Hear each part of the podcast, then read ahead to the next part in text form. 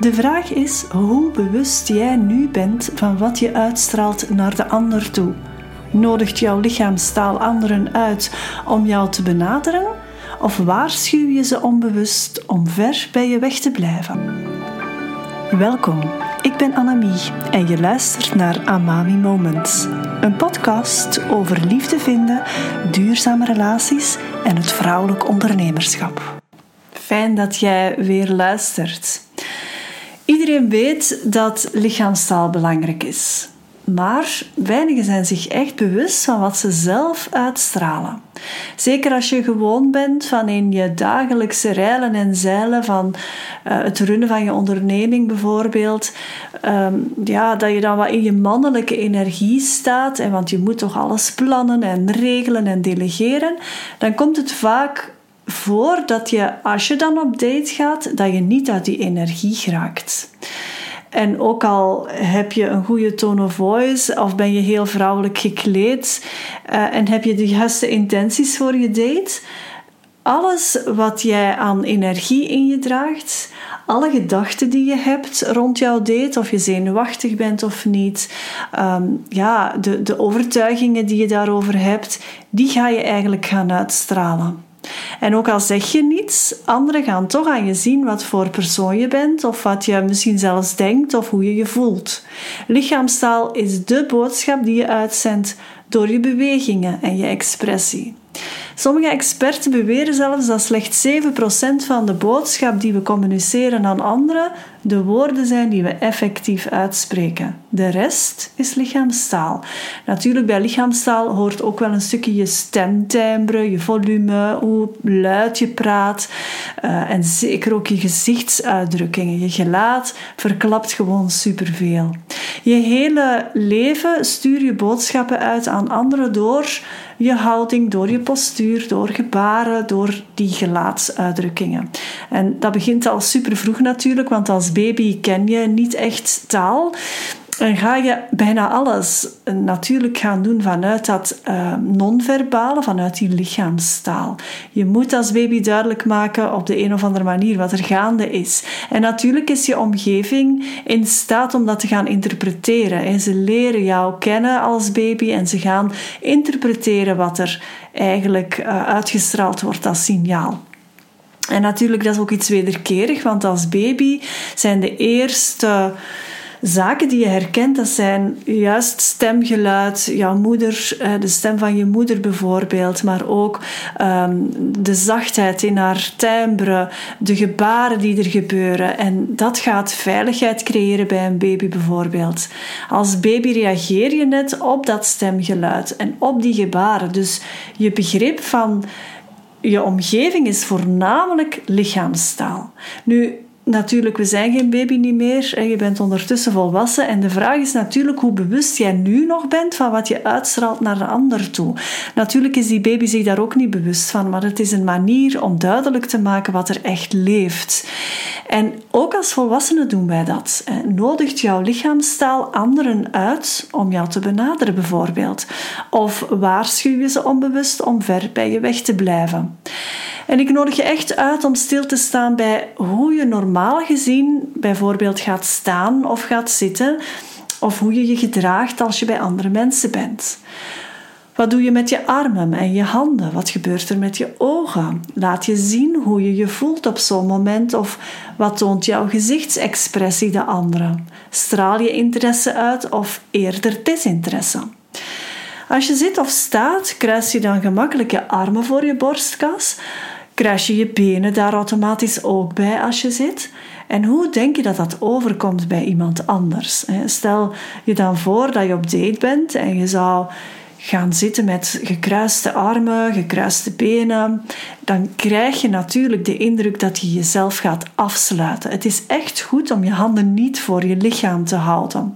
Want onbewust zal gekruiste armen geïnterpreteerd worden dat je liever niet benaderd wil worden. Het komt gewoon niet uitnodigend over.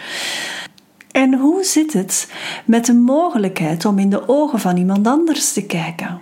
Besef je dat oogcontact een van de belangrijkste signalen zijn dat je zelfzeker bent en dat je de ander uitnodigt om in interactie te gaan met jou? Het wordt vaak geïnterpreteerd als een soort goedkeuring dat je benaderd mag worden. Je zelfzekerheid start bij je lichaamshouding. Punt. Maak je net iets langer dan je bent in plaats van wat ingezakt jezelf te proberen verstoppen. Creëer zachtheid in je gelaat. Kijk in de ogen van je gesprekspartner of van de persoon waarin je interesse hebt. En lach ook met je ogen. Word je bewust van de manier waarop je ademt. Is dit snel en oppervlakkig of vloeiend in en uit? Misschien eerder vanuit je buik ademen in plaats van zeer hoog in je borstkas. Zorg dat je de spieren die je niet nodig hebt ontspant. Zeg aan jezelf dat je mag relaxen. Ga jezelf echt geruststellen. De belangrijkste truc is echt bewust zijn van wat jij intentioneel wil uitstralen en dat echt gaan voelen.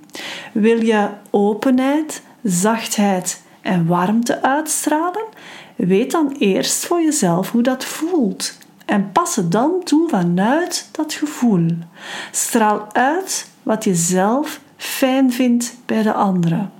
Benader de ander zoals je graag zelf benaderd wil worden. Heb je hier echt moeite mee? Roep dan een hulplijn in. Vraag aan een goede vriend of vriendin om je eerlijke feedback te geven over wat je uitstraalt. Ga voor de spiegel staan en oefen. Durf die confrontatie aangaan. Zelf heb ik ook soms wat een harde uitstraling, zeker als ik in mijn gedachten verzonken ben. Maar elke dag probeer ik me er bewust van te zijn en de ene dag lukt dat uiteraard beter dan de andere. En toch voel ik dat ik al enorm ben geëvolueerd daarin. En dat wat ik uitstraal meer en meer in lijn ligt met wie ik ben en wil zijn. Dus als ik nog even recapituleer. Word je bewust van wat je zelf uitstraalt, van wat jouw lichaamstaal teweeg brengt bij de ander. En start altijd opnieuw vanuit wie jij bent, wie je wil zijn. Als je zelfzeker wil overkomen, zal je eerst die zelfzekerheid moeten voelen. En je zal in die ogen moeten gaan kijken. En misschien net iets langer dan dat je normaal doet. Zeker als het bij iemand is waar je echt oprecht interesse in hebt. Dus werk aan dat non-verbale, werk aan die lichaamstaal. Besef ook dat vanuit de overtuigingen die jij hebt, vanuit de gedachten die er zijn, dat er sowieso een bepaald gevoel wordt uh, geïnstalleerd bij jezelf. En dat het dat gevoel zal zijn dat je gaat uitstralen. Dus je kan misschien wel zeggen tegen jezelf: Ik ga heel zelfzeker naar die date gaan. Maar als je van binnen je zo onzelfzeker voelt, dan ga je eerder die onzelfzekerheid die je voelt gaan uitstralen. Het is niet omdat je zegt tegen jezelf dat je zeker mag zijn, of dat je relaxed mag zijn, of dat je uh, goed genoeg bent. Wel, als je het niet voelt, dan ga je dat ook niet uitstralen. Je zal altijd uitstralen wat je voelt. Dus de grootste uitdaging is juist om die vibratie in jezelf, dat wat er is aan emotionaliteit, om dat goed in lijn te zetten met wie jij bent, wie je wil zijn. En dat ga je dan ook echt gaan uitstralen. Een belangrijke oefening die je in dit kader zeker ook kan doen, is dus voor de spiegel gaan staan en tegen jezelf luid op als het kan, elke dag opnieuw zeggen dat je de moeite waard bent. Dat je alles in jou hebt om liefde aan te trekken. Dat jouw man op jouw pad is, maar dat je hem nog niet ontmoet hebt. En dat elke dag een stap dichter bij die ontmoeting is. En niet alleen die woorden zeggen, maar het ook diep van binnen gaan voelen. In je ogen kijken is misschien op zich al een goede oefening. Gewoon in de spiegel in je eigen ogen kijken eigen ogen kijken beter. En kijken wat dat met je doet. En dan voel je de zelfzekerheid groeien. Dan voel je dat je effectief goed genoeg bent. Dat je effectief alles in jou hebt. En dan ga je veel gemakkelijker in dat datingproces gaan bewegen. Ben jij een ondernemende vrouw en wil jij te weten komen hoe ik jou kan helpen bij het aantrekken van de juiste liefdespartner? Boek dan een gratis matchcall die je kan inplannen via de link bij deze podcast. Ik ontmoet jou graag in een volgend Amami Moment.